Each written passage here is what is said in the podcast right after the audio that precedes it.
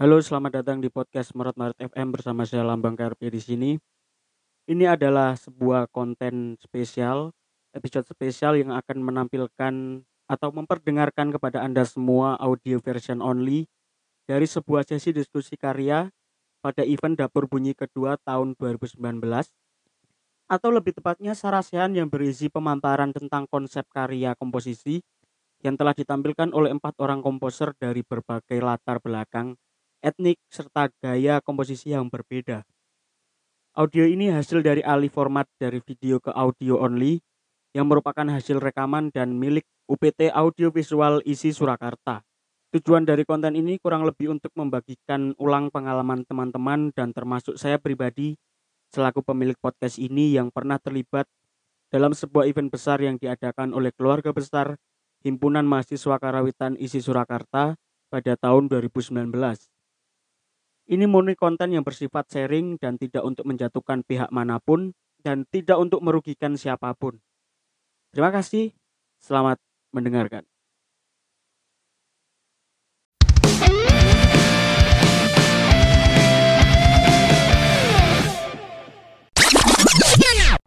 Morat Maret FM Season 4 Oke, lanjut saja.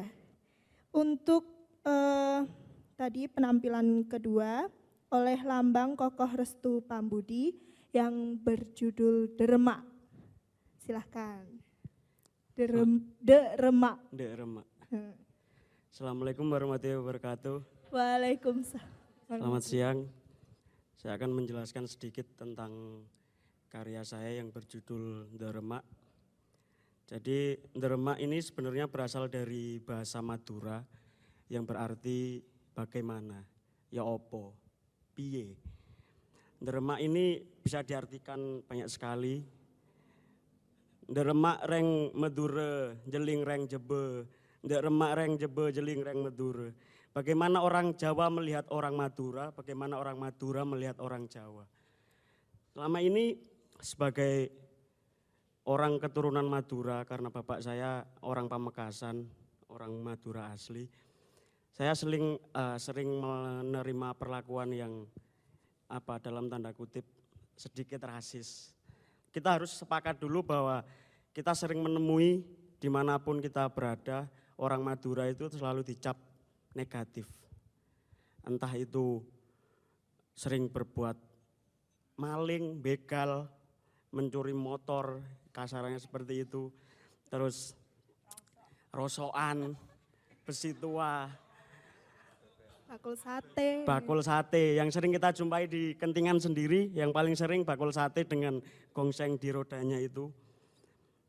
Selama ini eh, dalam perjalanan hidup saya, saya sering melaku, eh, menerima perlakuan seperti itu. Opo wong Madura, elek, gak tahu. Itu yang seperti yang saya jelaskan pada bagian teatrikal tadi di mana saya berinteraksi dengan orang Jawa. Saya tidak tidak mengecap langsung bahwa semua orang Jawa itu berlaku seperti itu dengan orang Madura, tidak. Tapi ini berkaca dari pengalaman saya sendiri ketika saya tinggal di Surabaya. Karena Surabaya itu hampir di setiap kampung selalu ada orang Madura. Selalu ditinggali oleh orang Madura. Dan di situ saya sebagai seorang yang memiliki keturunan Madura, sedikit jiwa saya itu ada Maduranya. Jadi banyak teman-teman saya juga yang dari Madura. Dari situ saya belajar dari mereka. Ternyata eh, dari pandangan orang tentang orang Madura selama ini nggak semuanya benar kok. Ya memang mungkin ada beberapa orang yang orang Madura yang seperti itu.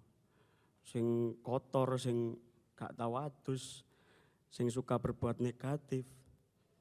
Memang kita tidak memungkiri.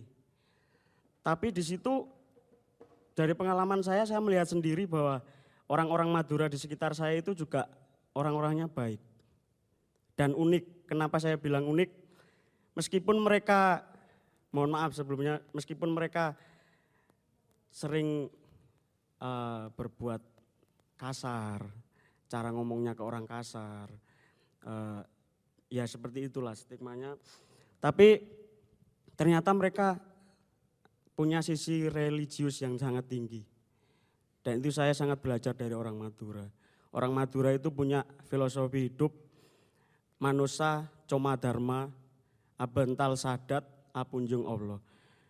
Itu yang berarti manusia hidup itu cuma untuk berbuat kebaikan, berlandaskan sadat dan menjunjung tinggi nama Allah di mana pun mereka berada. Karya Derma ini menjelaskan semua itu bahwa ini loh orang Madura, bagaimana orang Madura, Derma orang Madura ini.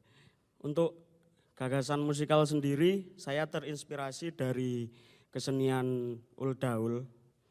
Uldaul itu adalah sebuah kesenian yang ada di Pulau Madura khususnya di daerah Bangkalan, di Kabupaten Bangkalan di mana memang sajiannya lebih dominan di bagian perkusi.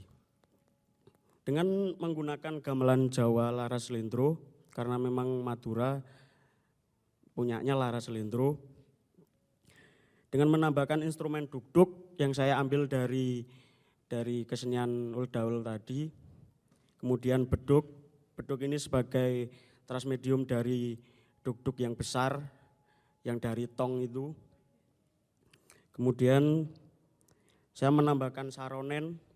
Saronen adalah selompret kalau di Jawa, kalau di Madura namanya saronen.